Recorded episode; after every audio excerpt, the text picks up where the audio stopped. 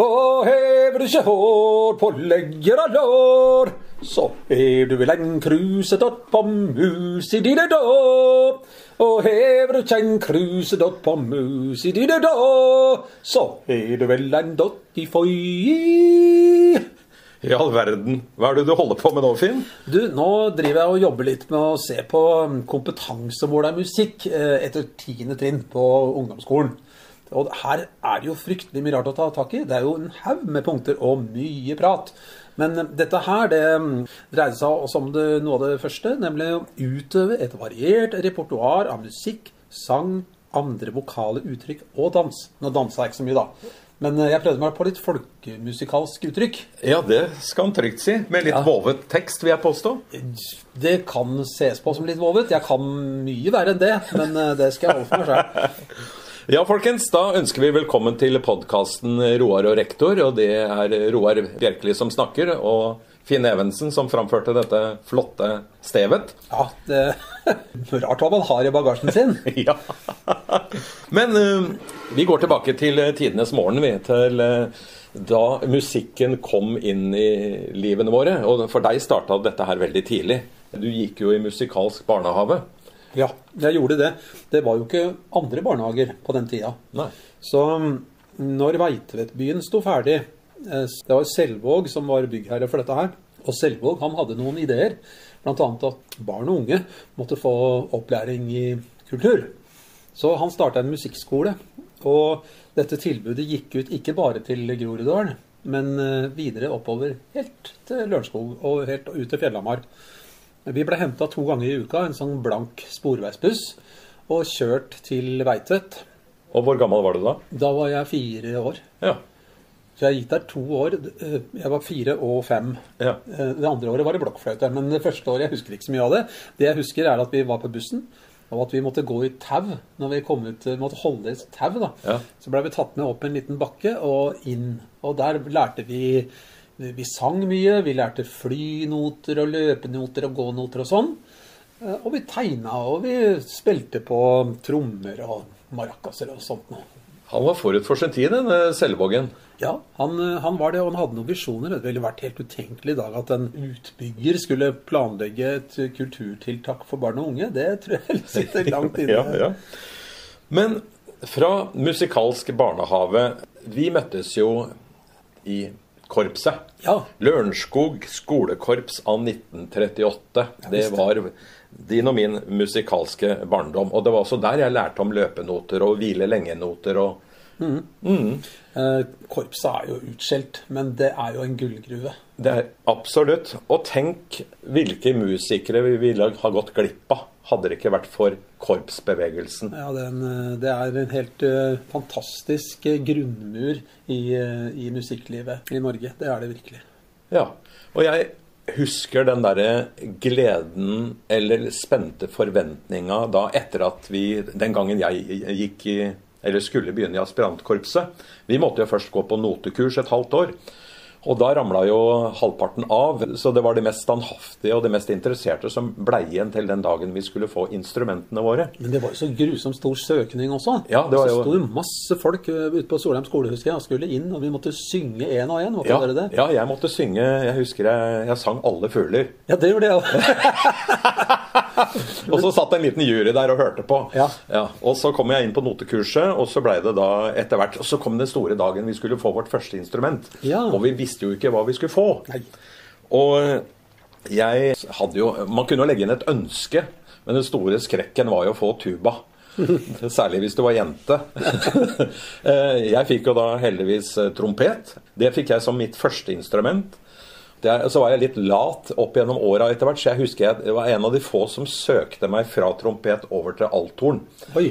Ja, det, det, det var jo et hakk ned på rangstigen, kan vi jo trygt si, da. Men, eh, men allikevel, jeg eh, Da var jo ikke veien lang over til valthornet. Og da rykka jeg opp i hierarkiet igjen, for valthornet er jo et instrument vi finner i symfoniorkestrene. Men var du ikke innom det der litt utskjelte mellofonen? Ja, også? mellofon, denne hybriden mellom althorn og valt, valthorn. Ja. det er sånn, eh, en sånn skikkelig hybrid. Det er veldig dårlig, dårlig instrument, ja, egentlig. en, en liten, men trang tone. Ja, nemlig, nemlig.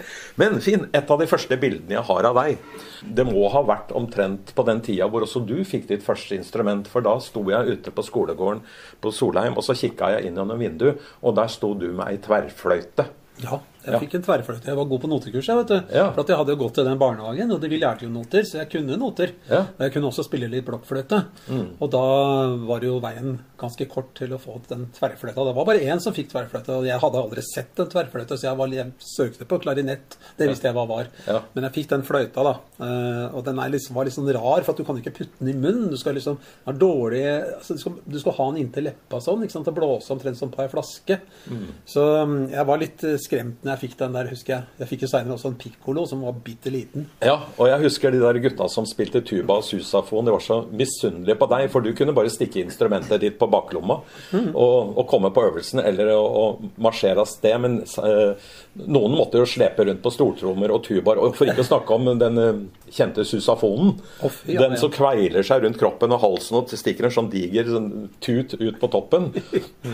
Ja, den er flott, da. Men du snakka om at korpsbevegelsen, den utskjelte korpset vi, eh, vi som har spilt i korps, eh, vi, vi, vi har jo hatt kjempestor glede av det. Og det har jo vært viktig for vår musikalske utvikling. Men hvorfor skal vi egentlig spille i korps, da? Altså, ut av korpset så springer det så mye. Ja. Korpset er jo et fellesskap. Og man oppnår å spille ting som du ellers ikke kunne klart. Men du klarer det når du er sammen med noen andre, for da får du litt begrensa oppgaver. Og så setter man dette sammen. Mens eh, når du er helt aleine, så må du jo bære hele byrden sjøl. Å lære deg noe fra A til Å som du kan framføre, det er en mye skumlere oppgave. Men det er tryggere i korps. Det er stor takhøyde, og, og det er veldig sosialt. Og, og det er kjempefint. Du kan ha det hele livet. sant? Har du lært deg å spille litt, så går du fra skolekorpset over i voksenkorpset. Og der blir du til du kommer i veterankorpset, som det er mange steder. Ikke sant? Så blir du båret ut en vakker dag. Ja. Klarinetten på brøstet. ja. Mange ting springer jo ut av korps. Og vi begynte jo å spille i band seinere sammen. Og det var jo på en måte korpset som førte oss eh, sammen. Og så begynte vi å utforske på andre instrumenter. Eh, Jeg begynte å spille bassgitar, og du spilte en hel haug med instrumenter. Hadde det ikke vært for korpset, så hadde det hadde det vært masse band i Norge vi hadde gått glipp av. Det tror jeg helt sikkert. Det er jo, men det er jo ikke alle som en gang tør å nevne at de har spilt i korps. ikke sant? For Nei, men eh, jeg er stolt av det. Ja, ja, det var en helt strålende greie. og Roar, jeg gikk jo i barnehage og, og, og lærte å spille blokkfløyte, men du har vel også lært å spille blokkfløyte? Jo, og jeg husker enda, som det skulle vært i går, den derre gledesdagen i fjerde klasse da vi fikk utdelt eh, blokkfløyter.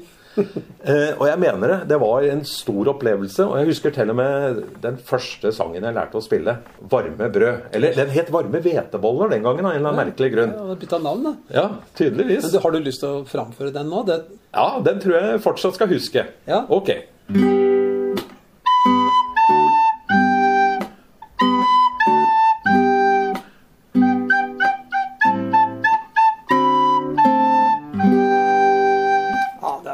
Var gripende. Ja.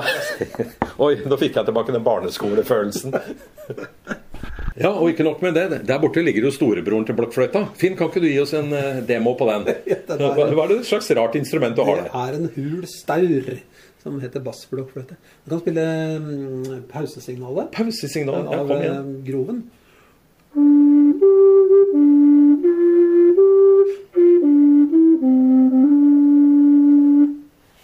Nydelig. Ja. Ja, du lytter altså til podkasten Roar og rektor. Vi holder på med faget musikk. Og har tatt utgangspunkt i læreplanen for 10. trinn. Der er jo et av kompetansemåla skape og programmere musikalske forløp ved å eksperimentere med lyd fra ulike kilder. Finn, da spiller jeg ballen over til deg. Du har jo virkelig vært en av de som har skapt mye musikk opp gjennom åra. Fortell. Ja, det er et ganske ambisiøst eh, læringsmål. Eh, men det trenger ikke være så vanskelig. Det som er fint her, er at eh, man snakker om både skaping og programmering. Altså kan man godt sagt komposisjon og bruk av digitale verktøy. Det er mange måter å gjøre det på. Du kan eh, laste ned lyder, du kan laste ned loops, rytmer. Du kan programmere, du kan sette sammen, og du kan leke med det, vil jeg jo si. Det er en form for lek. Eller du kan se på det som et, nesten som et puslespill. At hvis du har en haug med, med lyder eller rytmer eller loops, så kan du sette det sammen og få til noe kult ut av det. da. Ja. Sånn er det jo mange som jobber i dag. Eh, Sjøl har jeg ikke drevet så mye sånn. Jeg har jobba mye i studio, men eh, det har vært mye mer sånn på eh, man, man komponerer et eller annet, og man spiller det inn. Ja. Ja, Så velger man de virkemidlene man vil bruke for å få dette til å låte kulest mulig, eller at det er i, i tråd med det du vil formidle. da. Men det kan jo gå så langt som til å si at eh, et eh, lydlandskap, eller såkalt soundscape, da, kan du bruke som utgangspunkt for å lage en rytme. Mm. Jeg vet at eh, mange artister jobber sånn, f.eks. Uh, islandske Bjørk. Hun var mye rundt i fabrikker og sånn. Mm. hørte på maskiner, hørte på produksjonslinjer som lagde rytmer eller patterns, da. Som hun da tar opp og gjenskaper, eller bruker som det er, ved å Ja. manipulere lydene. ja. Eh, det er også en kul måte å gjøre det på, syns jeg. Er klart det. Eh, Jeg har en datter eh, som har driver mye med, med musikk. Og hun- jobber jo akkurat på denne måten her. Eh, For ikke så lenge siden så, så kom han med en CD eh, som var eh, Det var innspilte motorlyder av ulike sjarker langs nordlandskysten. Ja. Og det, det er klart at de her motorene de har en slags rytme, og de har en slags frekvens. Oh, ja. Så, så hun har brukt det som utgangspunkt da, for komposisjoner. Så, eh, det, det er mange, så du kan si at du fortalte at du hadde vært mye i studio, men i dag så har du, har du alle de digitale hjelpemidlene som eh, alle sammen kan jo ha et studio hjemme på kjøkkenbordet gjennom Mac-en eller PC-en sin. Så på en måte du er ikke lenger avhengig av eh, så mye penger kanskje for å komme i gang hvis du skal skape din egen musikk. Eh, og du har sikkert fått fram veldig mange folk som ellers aldri ville ha kommet til syne, takket være at du har de nye teknologiske hjelpemidlene. Ja, og det koster, som du sier, det koster ingenting lenger. Nei. Du kan laste ned et gratisprogram, og du kan ha så mange spor til rådighet som du bare vil. Sant? Eh, når jeg begynte å lage plater, så var jo bare opptaksteknikken var jo så innmari dyr. Eh, taksameteret i studio kosta mange, mange penger altså, per time. Ja. Eh, og det var jo helt umulig for folk å gå inn og gjøre det. Du måtte jo ha en tekniker som kunne det, og så kunne du starte en innspillingsprosess. Med Den første digitale opptakeren jeg var borti, var en svær Mitsubishi-maskin. Med en båndbredde som altså den var jo 20 cm bredt, eller hva Ja. det var, for å kunne ta opp digitale eh, signaler på teip. da, de, En slags forløperen til DAT, eller en svær DAT. eller en DAT-spiller. Så um, dette her har jo bare tatt helt av. Og nå satt jeg jo senest her og lasta ned et gratisprogram for å redigere litt. eh, Blant annet denne podkasten her, da. Ja. Så bare kom det bare rett inn i maskinen min, Ja. og det spiller av seg sjøl. ja. Det er jo helt eh, fantastisk, egentlig. Så det er bare, folkens, det er bare å gjøre det. Ja. Læreplanen sier også noe om å utforske ulike musikkuttrykk. Og ikke bare har vi spilt i band sammen, men vi begynte til og med å spille latinamerikansk folkemusikk sammen. Ja. I den herostratiske, berømte gruppa Chincay Pampa. Og forløpet til det, da, det var jo den gangen jeg var på Loffen i Sør-Amerika eh, og reiste nedover og kom til slutt til Bolivia. Og blei veldig fascinert av denne musikken oppe i Andesfjellene. Og jeg var så heldig at jeg fikk komme på verkstedet til Bolivias mest kjente fløytemaker, Acha. ja. Eh, og var inne hos han og, og kjøpte med meg et antall fløyter hjem. Og så kjøpte jeg med meg noen LP-er hjem.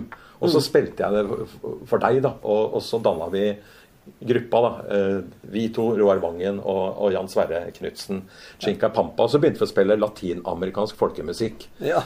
Og jeg tenker den, den sommeren da, hvor vi dro på interrail nedover i Europa og spilte på gatene det må ha vært ganske spesielt for eh, Vi kom til Spania, til Salamanca f.eks. Vi sto ute på, eh, på gata der og spilte. Altså fire lyse nordmenn står i Spania og synger latinamerikansk folkemusikk. Det, det blir jo ganske rart. Eh, Det blir jo som det skulle stått en, en gjeng utlendinger og, og spilt hardingfele og synge norske stev oppe i Valdres. Jeg tror de hadde syntes det, vært- syntes det vært ganske morsomt. Ja, ikke sant? Det var akkurat det som var reaksjonen. Folk stussa jo, men vi kom jo virkelig i kontakt med folk. Ja, vi tjente bra med penger òg. Jeg skal kjøpe en ny gitar og Ja, ja, ja. Ja, det ja vi tjente jo bra. Vi, vi, vi, vi var jo gatemusikanter en hel sommer, og det må jeg si, det var en artig opplevelse. På Karl Johan så sopte vi inn penger så det ljoma etter. Men så, vi, så husker jeg vi kom til København. Der fikk vi ikke penger, men folk kom og satte ølflasker foran oss. Ja, det var veldig fint. Ja. og vi spilte i Paris utafor Centre Pompidou, og da husker jeg vi skrapa sammen nok til en elendig middag. Da husker jeg jeg spiste lever for første gang, og det var helt forferdelig. Og det var takket være det vi Vi fikk ikke spilt inn nok penger til at vi kunne Nei, men det regna jo også jævlig, husker jeg. Så var, Ja. da var det plutselig ikke noe gøy lenger, for da hadde vi ikke noe penger igjen. Ja. Ja, vi hadde jo kjøpt gitarer og kjøpt masse greier i Spania, så kom opp der, så var det ikke mer. Men det som er poenget, da Tenk all den gleden musikken har gitt oss. Alt dette her hadde vi aldri opplevd hvis vi ikke hadde havna i korpset. Så korpset er jo igjen tilbake til det, folkens. Send unga i korps før idretten tar dem. Det kan skape grunnlaget for et liv du ellers aldri ville ha opplevd. Og du kan holde på med det så lenge du orker. Ja. Du spiller jo fortsatt det der partybandet ditt. Ja, jeg spiller det partybandet mitt, ja. Drømte norsk eggeband. Og vi har holdt på nå i 30 år. Og vi har det så mye moro sammen. Vi øver én gang i uka.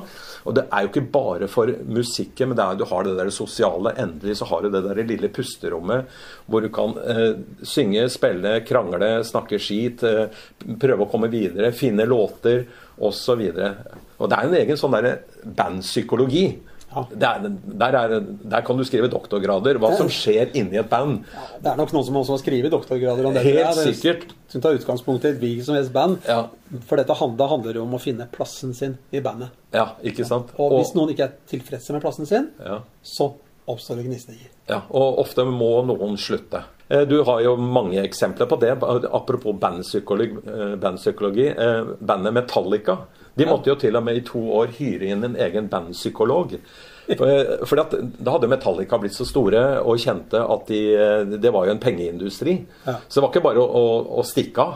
Så det var særlig en konflikt mellom han derre sjefsvokalisten og gitaristen, hva heter han da? Het, Hetfield. eh, heter jeg, og så Lars Ulrich på slagverk. Ja.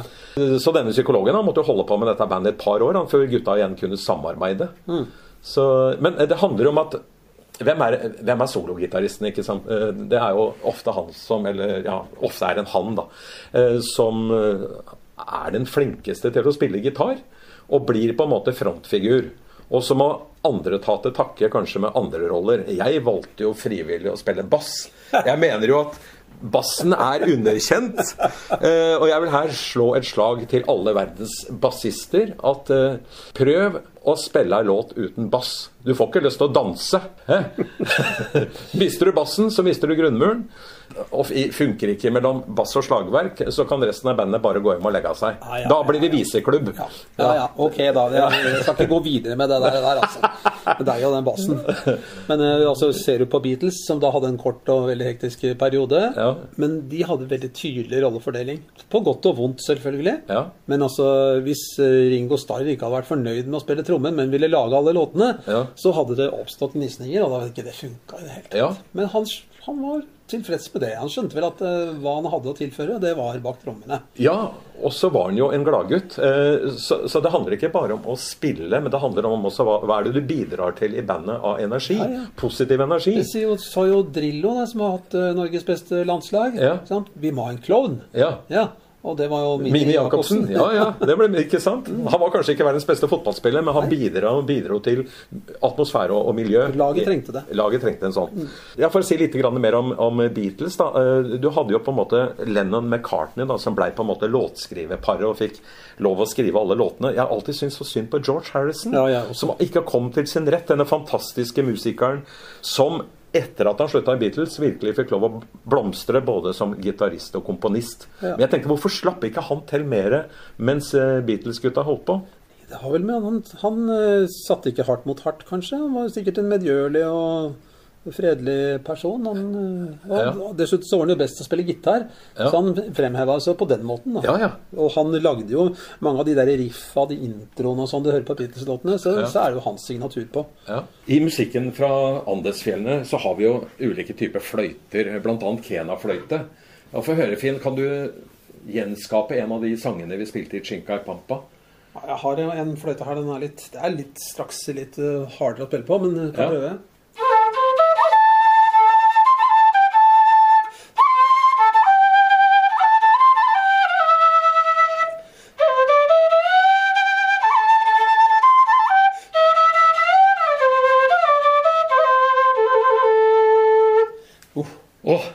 Blir jo så vemodig å høre på den musikken. Det er litt trist. Eh, Ja, den er veldig trist. eh, Men samtidig er den litt glad også. Det er hvert fall Det, er da eksempel på musikk fra Andesfjellene. Ja, du har jo så mye rart på dette kontoret ditt, Finn. Det er jo fullt av instrumenter her. Eh, Vi har jo vært innom ulike fløyter.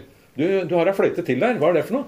Ja, dette her den er jo en kvist som jeg kjøpte av en gammel mann ute på Radøy utafor Bergen. Ja. Så det er en, faktisk ei seljefløyte. Ja, Få høre. Låter veldig skau. Skal vi se.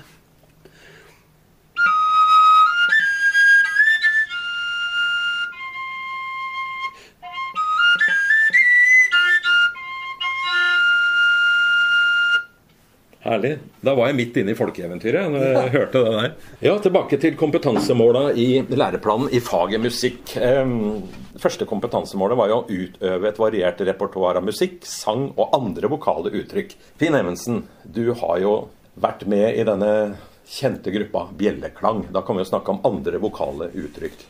Ja, det er et litt annerledes vokalt uttrykk, fordi det er et, eh, eller var, et vokalensemble som jobba som et band. For det var et tydelig definert bass, et komp og en solist, gjerne da. Ja. Og det viste seg jo den gangen vi starta opp med det, det begynner jo å bli 30 år siden snart, Ja. eh, så var det ingen andre som dreiv med akkurat det. Så, så da mm, fikk vi mye jobber, og vi holdt jo på ganske heftig da hele 90-tallet Ja. med turnering og Fylte, fylte dere ut et tomrom, på en måte? Eh, Jeg tror det, fordi det var jo ikke noe mm, humoristisk som hadde skjedd på musikkfronten på lang tid. Nei. Ikke siden det var vel Vazelina Bilopphøggers, eh, liksom, og Ja.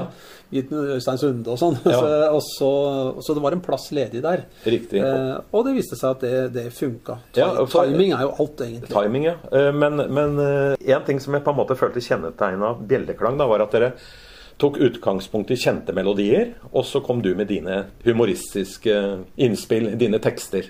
Ja, det stemmer. Eh, Vi begynte med det. Vi tok eh, låter, kjente låter, og fant eh, norske vinklinger på det, da. Ja, gi noen også- eksempler da, på, på, på låter. Ja, så vi rappa jo f.eks. fra Prince gjorde vi Kyss, da, eller Kiss, som den heter. Ja. Vi lånte Faith med lyden Ja. av George Michael og kalte den for Feit, da. Ja, det husker jeg. Det var vel en av de første hitene, var det ikke det? Ja, det Feit, var ja. faktisk det. Den Ja. kom ut på singel, da. Ja. Uh, Og det var mange sånne låter. ja, altså. jeg husker f.eks. 'Kamel fra Lillestrøm'. Ja. Da, hvilken låt var det den tok? Ja, den, eh, den har jo ikke noen fonetisk likhet. Den heter 'Walk Like an Egyptian', heter den med bangles. Ja. Og, mm, Og så hadde du 'Heavy Evy'. ja, og det er jo 'Whole Lotta Love' med Led Zeppelin. Ja. Det er liksom man ikke er helt sikker på om Led Zeppelin engang har skrevet. Nei. Men eh, ja, vi slutta litt etter hvert med det og begynte å lage en del ting sjøl. Det gjør jo mange grupper. De starter med mer liksom helt kommersielle ting, og så får man lyst til å utforske den mer kreative siden av seg, da. Mm. Så vi gjorde jo mer og mer eh, det etter hvert. Ja, jeg husker den CD-en dere ga ut, 'Bjelleklang synger svart'. Da var dere Ja. over i en annen sjanger. Ja, da var vi over i Katten Club, som den kalte det, da, med, altså, med eh, svart vokalmusikk, altså førkrigs... eh, mellomkrigstida. eh, og grupper som The Mills Brothers og, og Golden Gate Quartet. Vi var Ja. langt inne i gospel også på den tida. Ja. En gospel som, selv om jeg ikke er eh, spesielt troende, så hadde jeg viss sans for den litt uvaska eh, greia som Ja. de hadde da. Hva var den største opplevelsen vil du si, eh, du hadde med bjelleklang? Eh, Ja, det mest, sånn, og det, samtidig også det mest skremmende, det var jo å spille på, på Kalvøya, Kalvøyfestivalen. Me, mellom Bob Dylan og, og Billy Idol. Eh, det store. det var jo flere tusen mennesker, og eh, trommisen til Billy Idol eh, hadde soundcheck i monitoren vår mens vi sang. Det, Det var en smule forstyrrende, kan du se. Når du skal synge a cappella, så er det helt kul. eh. Mm. Og, og da jeg tenkte etter det at eh, ok, vi klarte dette her, da klarer jeg alt heretter. ja. Så for det at lytteopplevelsene Du er jo avhengig av en viss lytting for å kunne synge noenlunde reint, da. Ja. Men det da, da måtte du bare liksom. Du kan, ikke, kan ikke begynne å stoppe liksom og klage på noe. Det er bare å holde det gående. Hva er det verste du har opplevd da, på scenen? I Trøndelag et sted, jeg kan ikke nevne navn, men det var eh, en gymsal som var så stappa full at jentene satt oppå nakken til gutta. Ja. Og enda så sto alle så tett som rogn. Ja. ikke sant, i den gymsalen. Og så var det et eh, De hadde dratt ned et sånt nett foran scenen. Sånt, eh, akkurat, som et, de sto, akkurat som det skulle stått inne i et fotballmål. Ja. For at det, det var sånn der at folk spruta øl, og det ble kasta ti stoler og Skikkelig fest på lokalet. Ja, stoler og flasker og sånn gikk eh, veggimellom, da. Og kopper med karsk, og det var noen slåsskuler borti hjørnene, og noe klining på andre sida, Ja. det var heftig, husker jeg. Og samtidig også et sted i, i Telemark hvor sikringene gikk, og det ble helt mørkt. Og en mann hadde revet av seg fingeren på et knust ølglass. Og noen kvinnfolk som reiv håret av huet på hverandre og sånn. Ja. Da er det jo bare å komme seg vekk, Ja, ja. egentlig. Så, nei, men Vi har sett, eh, sett mye rart. Jeg Ja har sett, selv om vi har sett folk stå og ha seg eh, bak eh, eh, sånn at de ikke kunne ses fra salen. Men vi så det jo, Ja, ja. fordi vi sto på scenen. Ja, ikke sant. Ja, det- Nei, Vi hadde jo noen opplevelser med Eggeband òg, kanskje ikke den skalaen dere. Vi, vi, vi spiller jo coverlåter, vi spiller jo for å underholde folk en, en lørdag kveld. Men vi hadde jo en del spillejobber her på Lunsjskauen eh, på et sted som heter Rocky Pub. Jeg vet ikke om det eksisterer fortsatt, ja, men det var jo ikke, gjør ikke det. det, var, det var jo av og til litt av en forsamling eh, som eh, var på Rocky Pub, og folk slo hverandre i huet med biljardkøller og hvelva innover scenen. Og det var en ganske liten, lav scene, da. Så det av og til de holdt på å slå ut tenna på oss som sto og sang i mikrofoner. For det hvelver en full type innover scenen og drar med seg mikrofonstativer. og Så får du den midt i fortanna. midt i, midt i fortanna. Det skjedde flere ganger. Og det var sånn der, eh, det kunne bli litt sånn amper stemning. Sånn Spill Angel, ellers så dreper vi dere. Eh, Det, det, det var litt røft miljø. Ja. Men jeg tenkte ok, artig å ha vært med på. Ja. Det, var, eh, det var mye fine opplevelser. Vi har hatt mange morsomme konsertopplevelser. og og så får vi jo dratt på en tur, da, ofte. Vi har jo dratt oppover i Dalom og spilt til dans, og vi har eh, overnatta på stabbur og låver og eh, kaldt og jæklig. Men eh, artige opplevelser har det blitt ut av det. Ja. Du, nå nærmer vi oss jo slutten av dette programmet, denne podkasten. Det er et spørsmål som står igjen, syns jeg, og det er hvorfor driver man med musikk? Eller hvorfor driver man med kultur i det hele tatt? Hva er poenget med dette her? Ja, eh, var det ikke Winston Churchill som sa noe sånt som at eh, et land uten kultur er ikke verdt å forsvare? Jo, det var eh, Winston Churchill, mener jeg. Det var jo kjempegodt sagt, da. Det er jo godt sagt. Eh, For hva er et samfunn uten kultur? Ja. Og hvorfor har kultur, i hvert fall i Norge, jeg må si såpass lav status som det det har? For det har mye høyere status enn en del andre land. ja. Sjøl om vi har mange fine institusjoner her, som Kulturskolen, hvor jeg sjøl jobber i, som er helt enestående. Vi har korpsbevegelsen. Vi har alle korene. Ja. Vi har jo et svær, en svær form for, for deltakelse. eh, Bredt sett, da. ja. Eller bredt, jeg mener breit. Ja. Vi har jo ikke snakka mye om kor, da, men eh, jeg husker jeg leste en veldig fin historie om eh, kor. Hva er det egentlig? Det er jo et, et antall mennesker som skal finne harmoni sammen. De skal tilpasse hverandres stemmer. Du har en dirigent som leder det hele. Jeg husker det var en som hadde, en gang hadde skrevet et avisinnlegg. Altså, Tenk om alle verdens statsledere måtte synge i det samme koret. Det hadde vært interessant. Ja, ikke sant? Der står Putin og Trump og, og skal synge ulike stemmer, da. Og de er nødt til å finne sammen i harmoni. Oh. Og så har du da en leder av dette koret, da. Det kunne vært FNs generalsekretær, ikke sant. Som Ja. skulle stå Nå, Trump, nå må du dempe deg litt der borte, og så synger vi ikke den låta nå, nå synger vi denne. Nei, nei, jeg vil ikke, jeg, ikke sant. Du kan tenke deg hvordan dette koret hadde blitt, da.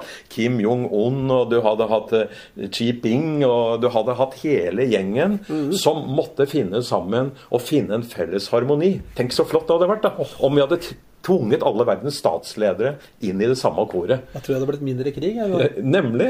De, de hadde vært nødt til å tilpasse, hverandre, eh, tilpasse seg hverandre og, og finne sammen og finne ut at det er nok best å samarbeide allikevel.